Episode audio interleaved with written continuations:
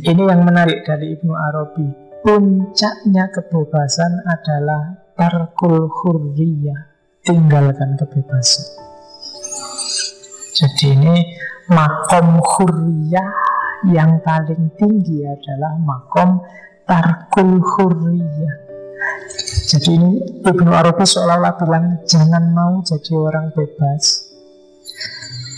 Tapi satu-satunya yang boleh memperbudak kamu, bikin kamu tidak bebas hanya Allah.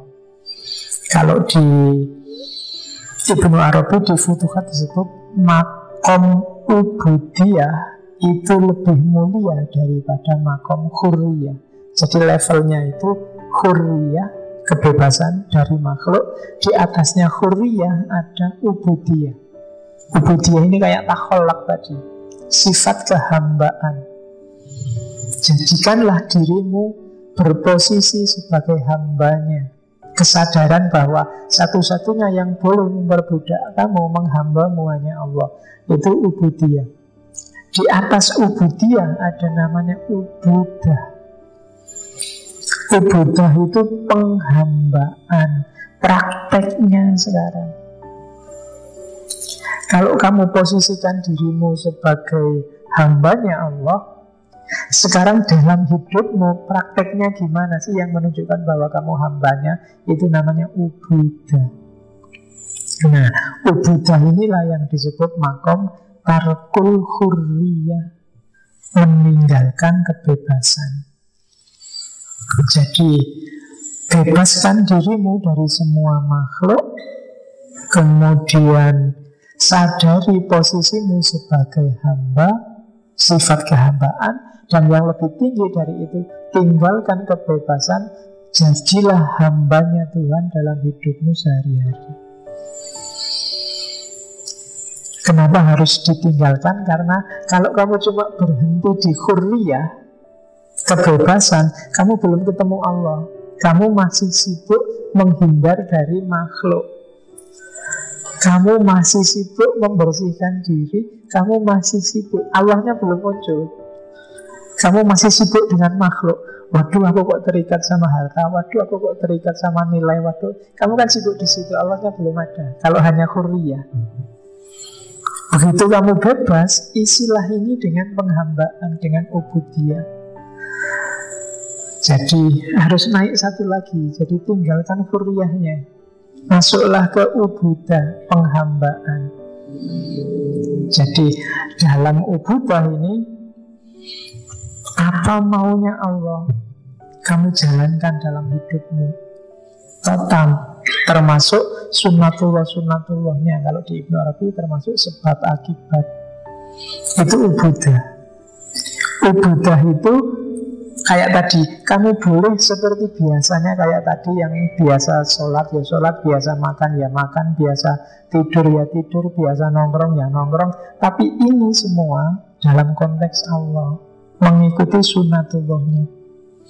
Jadi ubudah itu benar-benar posisimu kayak seorang hamba. Ini inspirasinya dari kalimat-kalimat di Futuhat. Contohnya dari hadis kalau ini kan kalimatnya tadi. Manusia sempurna dengan sifat kemanusiaannya, tidak tetap dalam sifat ketuhanannya, akan tetapi kembali kepada sifat kemanusiaannya, yakni kepada kehambaannya. Ini kalau dibaca di buku kamu bingung mesti. Jadi menghamba pada Allah itu berarti apa? Tegaskan bahwa kamu memang hamba, bukan Tuhan. Ini yang bikin orang sering salah paham dengan wahdatul wujudnya Ibnu Arabi. Dianggapnya terus manusianya hilang jadi Tuhan. Enggak. Tapi Tuhan jadi fokus utama karena posisi kita tetap sebagai hamba. Bukan berarti kalau sudah, oh ini maksudnya hilang, jadi nggak usah makan, nggak usah kawin, nggak usah enggak. Enggak begitu. Justru untuk menegaskan posisimu bahwa kamu hamba, ikuti kemauannya Allah termasuk dalam hal sunnatullah sebagai manusia. Jadi jadi budaknya Allah itu satu-satunya target hidupmu. Termasuk dalam hal kayak tadi semua yang kecil yang besar dalam hidupmu. Yang ngaji tetap ngaji, yang makan tetap makan, tapi sekarang dalam rangka menjalankan maunya Allah. Kenapa sih kamu ngaji? Karena Allah suka hambanya yang ngaji Majelis yang paling disukai Allah itu majelis ilmu Kenapa kamu makan? Karena Allah tidak suka hamba yang menyiksa diri berlebihan Terus semuanya serba Allah Ini namanya makom ubudah Kalau di Futuhat ada sindiran ke orang yang huriyah tapi belum masuk ke ubudah ada hadis Nabi ada sahabat namanya Maimunah binti Haris. Maimunah ini memerdekakan budaknya. Katanya Nabi Lau a'tawitiha ahwalaka Lakana a'zomu li ajrika Jadi Coba tidak usah Kamu yang membebaskan itu bagus. Tapi kalau dia tidak kamu bebaskan tapi kamu ajari agama itu sehingga dia sepinter dirimu tentang agama pahalamu lebih besar. Jadi ini hadis ini dipakai dibutuhkan untuk menunjukkan bahwa tidak selalu kebebasan itu lebih baik Kadang-kadang nggak kamu bebaskan tapi dia kamu didik sampai jadi benar, sampai jadi bagus, itu pahalanya lebih besar. Ada contoh lagi hadis tentang keunggulan ubudah. Jadi satu ketika Nabi itu ibadah ya biasa kan kalau malam mau rumahnya juga di tengah masjid. Terus lapar. Nah, lapar ya terus dia keluar. Tidak usah gaya, wow ini ibadah tirakat lapar juga harus enggak. Lapar ya keluar. Kok dilalah Abu Bakar juga keluar. Ketemu di luar, eh Abu Bakar ngapain kamu? Oh saya lapar ya Rasul Ayo podo aku juga lapar Ayo nyari Nah terus terus datang ke rumahnya seorang sahabat Haitam bin Abi Siapa itu? Abi Atohan Terus sahabat ini terus Wah ada Rasulullah sama Abu Bakar ada apa? Kita kelaparan Yuk, yuk kita akhirin nyembelih kambing terus nyatu bareng-bareng. Ya, ya kan? Itu kehidupan yang manusiawi itu namanya makom ubudah jadi sunnatullahnya memang manusia itu bisa lapar. Ya tidak apa-apa lapar. Tidak harus berdoa. Ya Allah ini dalam rangka tirakat mohon laparku dihilangkan. Enggak. Jadi bebas jadi keterikatan dunia tapi ketika menjalankan kewajiban sebagai manusia itu dalam rangka penghambaan pada Allah. Jadi tidak harus gaya, saya tidak akan kawin, saya tidak akan kuliah itu apa urusan dunia, nggak usah kuliah saya. Tidak, tidak begitu rumusnya katanya Ibnu Arabi. Huriyah itu bagus, tapi di atas huriyah ada ubudiyah, di atas ubudiyah ada ubudah, penghambaan. Jadi ya bebaskan dirimu dari semua makhluk. Jadikan Allah satu-satunya sandaranmu. Dan jadilah manusia yang menghamba sepenuhnya pada Allah Termasuk dalam urusan dirimu sebagai manusia. Karena kita manusia adalah hubnya, ada nasutnya jadi setelah membebaskan diri Terus menghamba pada Allah Mempraktekkan kehambaan itu. Ya seperti Nabi yang keluar rumah terus Menyatu bareng-bareng ke rumah sahabatnya. Ya kamu boleh pakai hadis ini Kalau ke rumahnya teman. Eh ini ada sunnahnya loh Nabi datang. Katanya kalau ada hadisnya itu sunnah Nabi pernah loh ke rumah temennya terus temennya harus beliin sate kambing loh ini makan-makan. Nah, ada hadisnya ini Oke okay. itu ada kalimat bagus dari Futukas How can the head travel to God when it's chained by its desire? Gimana hatimu kalbumu bisa terbang menuju Allah kalau dia dirantai oleh banyak keinginan, banyak hasrat. Ya, gerakmu akan terbatas oleh hasratmu sendiri.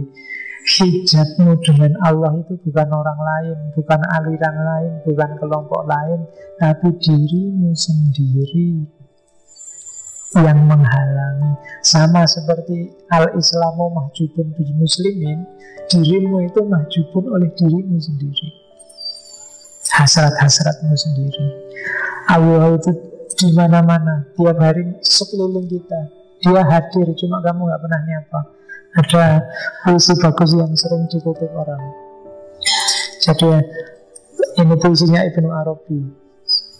Ini semacam Allah ini semacam nek bangsa Jawa ini ngersulo Ya meskipun tidak mungkin Allah ngersulo Tapi Allah ngomong ke kita Wahai kekasihku Begitu sering aku memanggilmu Namun tidak terdengar olehmu.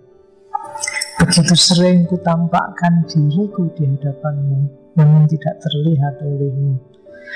Begitu sering ku sebar aromaku Namun tidak tercium bauku olehmu. Berlimpah hidangan lezat dan tak kau rasakan hadirku Mengapa tak mampu engkau sampai padaku Bersama segala yang engkau sentuh? Atau mencium bauku seiring aroma harum sekelilingmu?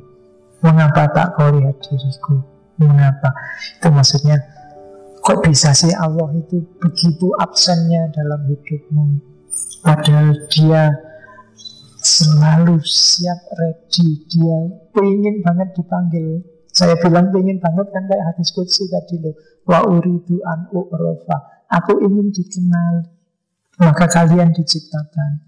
Tapi setelah diciptakan kok yang menciptakan nggak mau kenal lagi. Kamu cuaki dia Allah sampai teriak-teriak. Bahkan di masjid itu volume mikrofon sampai berapa? Manggil kamu. Kadang-kadang ada adzan kamu malah gerundel lagi asik-asiknya adzan. Ya kan? Allah banyak manggil di sekeliling kita. Mungkin sambil ngaji gini sejak tadi Allah Sudahkah hadir sama dirimu meskipun ini ngaji yang memerintahkan untuk Allah hadir dalam dirimu Tapi sudahkah kamu menghadirkan Allah sejak tadi dalam ngaji ini? Ya, mungkin juga enggak Oke, itu kelemahan kita maka sejak tadi saya bilang mungkin memang belum makomnya Tapi tidak boleh berhenti di makom yang belum itu. Harus gerak terus Ilahi rojiun. Kita harus tenggelam dalam cahaya Jangan tenggelam dalam kegelapan. Kayak kata-katanya Ibnu Arabi sendiri Orang yang bodoh itu tidak akan dia paham kebodohannya karena dia sedang tenggelam dalam kegelapannya sendiri. Dan orang yang pinter, orang yang ngerti, itu juga tidak akan ngerti kepinterannya karena dia sedang tenggelam dalam cahaya. Maka tidak usah capek-capek kamu membudayakan debat. Debat sama orang yang bodoh tidak akan selesai karena dia tenggelam dalam kegelapannya sendiri. Dan sama orang yang pinter juga tidak usah debat. Orang yang pinter itu dia tenggelam dalam cahayanya. Dia asik dengan ilmunya. Dia pasti orang yang pinter itu pasti dia tidak akan menyombongkan dirinya. Karena dia sudah asik, dia sudah lega dengan cahaya di sekelilingnya. Jadi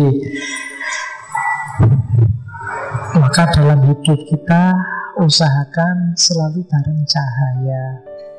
Kalau tidak mampu kamu menuju Allah langsung, bantuannya banyak.